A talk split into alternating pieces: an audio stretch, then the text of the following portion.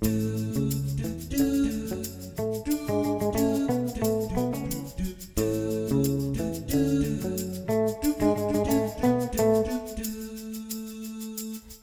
Välkommen till Bokspanarna, podden från biblioteken i Luleå. Jaha, Agneta och Magnus, dagens ämne, vad blir det? Det blir biografier. Och det finns väl inget roligare än att gå hem till folk, dra ut deras byrålådor och se vad som gömmer sig där. Och läsa en riktigt ingående biografi, det är ungefär samma sätt. Ja. Jag kan säga roligt var väl inte den känsla jag fick när jag gick i biografihyllan och skulle välja en bok till dagens podd. För det var mest elände som, som jag såg. Mycket Mhm. utnyttjade barn och det var cancer och jag blev bara mer och mer och mer deprimerad och tänkte nej, jag tror jag hoppar av det här ämnet. Men så stack det ut en liten bok som var lite tunnare än de andra och jag föll naturligtvis då för eh, namnet på boken, Pingvinlektionerna. Och så tänkte jag att ja, men det kan väl ändå inte innehålla något cancer eller utnyttjande eller misshandel. Och det gjorde det inte heller. Även om det inte var riktigt bara gulligull, om man säger så.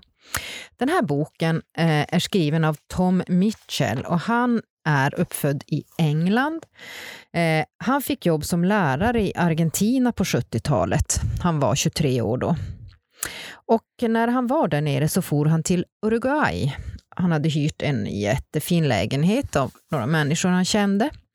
Och en dag när han är ute och går på stranden så ser han massvis med oljeindränkta döda pingviner som liksom med varje våg så sköljs det in nya pingviner. Och när han är på väg därifrån så ser han i ögonvrån att det ser ut som att det rör sig i den där oljiga högen. Och mycket riktigt, det är en pingvin som lever. Och han tänker, men han vet som inte riktigt vad han ska göra, men till slut så tänker han, jag tar med den här pingvinen och eh, duschar av den uppe i lägenheten så släpper jag ut den sen. Så han tar med sig sin lilla pingvin upp i denna flådiga lägenhet. Som och han precis har städat Ja. ur, för han ska flytta han därifrån. ska flytta därifrån och tillbaka till Argentina och börja sitt jobb. Och så tänker han, men oj, det här kanske inte var så smart. Mhm. En oljekladdig pingvin i det här tjusiga badrummet. Men han fyller bidén med vatten och börjar tvätta pingvinen. Och först är pingvinen livrädd så han hugger ju, eller biter Tom i fingret, men han fortsätter och till slut så förstår nog pingvinen att, att han kommer att få hjälp och tycker det är skönt för han stillar sig. Och när ping- pingvinen är rengjord så tar han med sig pingvinen ner till vattnet och sätter ut honom i vattnet. Pingvinen kommer tillbaks in mot land och Tom försöker igen och pingvinen kommer in och som han tycker och ser bedjande på honom. Så han tänkte, ah, jag får ju ta med mig den, jag kan inte lämna den bara så här. Så han smugglar in då denna pingvin som får namnet Juan Salvador till Argentina. Och där är det ju en liten eh, lustig incident när han sitter på en buss. Och han har alltså Jean Salvador i en påse under bänken. Och så sitter han bredvid en kvinna som han tycker är så vacker och tänker hmm, det här kanske kan bli något. Och när de sitter där och pratar och allt går så bra så börjar det helt plötsligt lukta pyton. Det luktar fisk. Och han kan ju inte säga att "Åh, jag har en pingvin här under bänken, det är den som luktar, det är inte jag. Så den här tjejen som han har tänkt sikta in sig på, hon börjar se mer och mer konfunderad ut. Och det blev väl ingenting där. Nej. Men han får då med sig sin pingvin till Argentina och pingvinen bor med honom i hans eh, rum, eller hans lägenhet. Och den får vara med om allt möjligt. Den blir maskot för ett, eh, ett fotbollslag Mm. där, tror jag det var. Eh, och det här med att pingvinen inte fick, eh, alltså inte i- stannade i haven när han försökte släppa ut han, det får Tom reda på många, många år senare när pingvinen är död och han är eh, pratar med någon som forskar med pingviner och förstår då varför pingvinen inte ville ut i havet. Men det kan ni läsa om i den här boken. Och det roliga är att det verkar vara en speciell familj, för Toms mamma, hon hade tre alligatorer hemma. För hon fick, på 50-talet så fick hon eh, tre ägg av en vän när hon var ute och reste som visade sig då utveckla sig till alligatorer, men de fick hon ju lämna bort när de blev stora och stora att hantera i en, i en lägenhet. Eh, en ljuvlig liten bok med fina små teckningar insprängda i texten på denna pingvin. Tom Michel, Pingvinlektionerna. Är det den enda bok om pingviner du har läst eller är det liksom något sånt där intresse? Nej, det, är, det, jag kan inte säga att det är något intresse, även om jag, jag gillar ju fåglar. Ja. Det gör jag. Men eh, Ja, det var ja, den jättemysig. var mycket Mm. mysig. Om man vill, på tal om feelgood från förra Ja, avsnittet så kan man säga att det här var ju Mm. faktiskt feelgood. Mm. Mm. Mm. Jag har ju läst en självbiografi på över 500 sidor. Det var faktiskt så här att jag lyssnade på den eh, på finns ju en, en lyssnarapp som heter Storytel, man kan även läsa böcker där. Eh, där det är alltså Bruce Springsteens självbiografi Born to Run och han har själv läst in den. Så ni förstår hur jag njöt av att lyssna på Bruce talröst under många, många, många timmar, för boken är ju på över 500 sidor. Och den här boken, självbiografin, så skrev han eh, efter en upplevelse. De, de, E Street Band och Bruce Springsteen spelade på, på Super Bowl och det är ju då en väldigt stor tilldragelse i USA. Det är väl när de drar igång eh, den baseballligan eller något sånt där. Jag, med risk för att ha fel så säger jag så. Eh, men ah, det var hans upplevelser efter den här spelningen var så omvälvande så han bestämde sig för att börja skriva ner berättelsen om sitt liv. Och han är verkligen han berättar verkligen allt. Han berättar ju om sin psykiska ohälsa. Eh, han berättar om hur han träffade sin fru Petty Schialfa och hur de fick sina tre barn, även Sam och Jesse. Och han berättar även om sin sina diktatoriska egenskaper. Han, han insåg efter ett tag, att ha varit, efter att ha varit med i olika band, att han måste vara den som bestämmer. Det går inte att flera ska bestämma sam, tillsammans, utan han, han måste vara den som bestämmer. Så det är alltså han som bestämmer nu. Och efter det så gick det mycket bättre, i alla fall för, för honom själv. Men sen berättar han om sina om sin familj, om sin uppväxt i New Jersey, eh, om sin de var ju katoliker hela familjen och har ju då eh, italienskt ursprung. Eh, alltså en fantastisk... Eh, jag, jag tyckte det, det var en fantastisk läsupplevelse. Och sen i slutet så har vi, får vi ta del av ett helt gäng med privata bilder, från, alltså foton som tidigare inte har publicerats, som på Bruce. Och han, när han presenterar sin fru på scenen så säger, kallar han ju henne för First Lady of Love.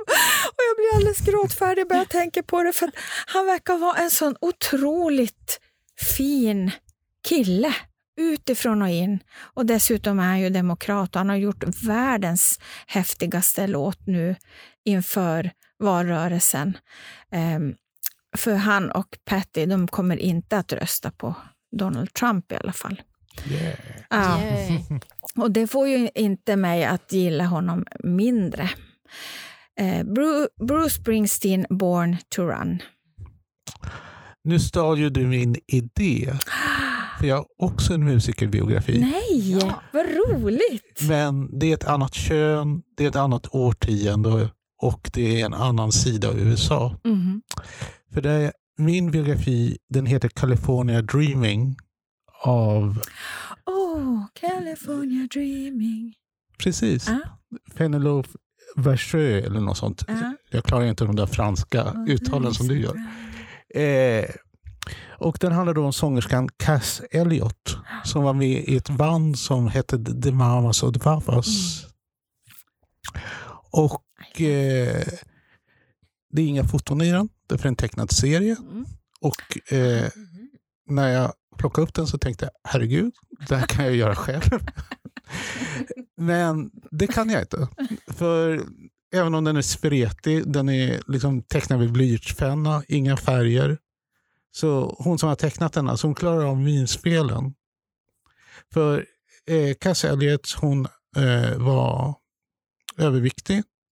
Hon var extremt osäker och hon klarade av liksom att dominera ungefär vilken situation som helst därför att hon var rolig och hon hade en fantastisk röst. Och hon hade en tendens att förälska sig i fel män. Därför hon såg alltså någon snygg en som hon ville ha, som hon lyckades vinna över genom att liksom vara charmig, vara underhållande. Och efter en månad eller så, så lämnade han henne för någon som såg ut som en klädhängare. Så på ett sätt så är den ganska sorglig. Men samtidigt att hon hade en fantastisk karriär. Och om man som jag då liksom är lite upphängd på amerikansk 60-talsmusik och Sunshine Pop där allt är groovy, väldigt färgglatt och kanske lite förstärkt av kemikalier. Så det här är en guldgruva. Härligt. All my bags are packed, I'm ready to go. I'm standing here outside your door. Ja.